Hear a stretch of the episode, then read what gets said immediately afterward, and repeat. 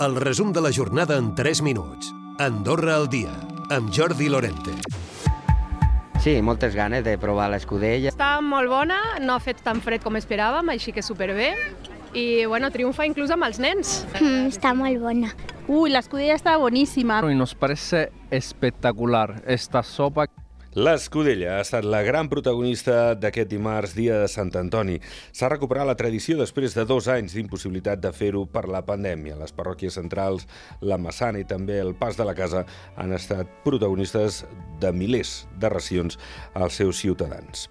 Hi haurà una segona destinació des de l'aeroport d'Andorra a la Seu, així ho ha confirmat el govern, que ha demanat un nou estudi per avaluar quina seria la millor opció entre tres possibilitats.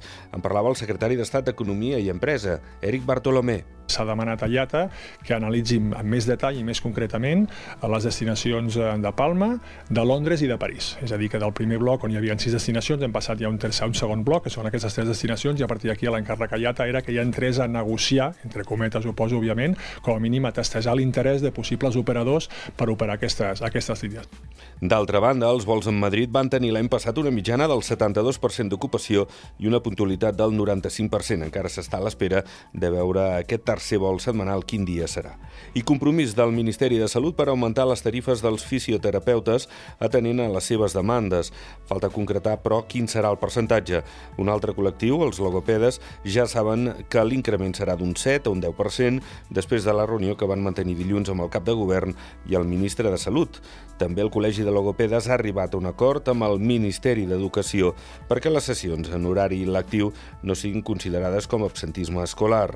Reeditar el pacte entre demòcrates, liberals i SDP a Andorra la Vella, tant a les generals com a les comunals, és l'aposta de Conxita Marsol, que, per cert, no tanca la porta a una possible oferta del Partit Demòcrata.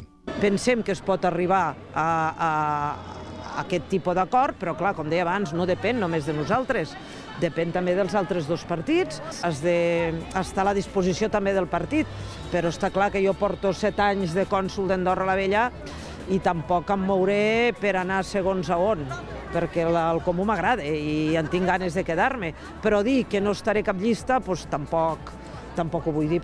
I també ha parlat del seu futur la cònsul major escaldenca, Rosa Gili. Li queda lluny pensar encara en la reelecció com a cònsul. És veritat que va avançant el, va avançant el temps, notes més pressió en posicionar-te, però bueno, encara jo tinc molt temps encara per decidir-me. No, no tinc previst en enlloc a les generals, no. A dia d'avui no, no tinc previst res. I signada la sessió de l'antic hotel Casamanya, que passarà a ser la seu del Ministeri de Medi Ambient, Agricultura i Sostenibilitat. Ho serà durant els pròxims 50 anys i suposarà una despesa per al govern d'uns 5 milions d'euros. Recupera el resum de la jornada cada dia a Andorra Difusió.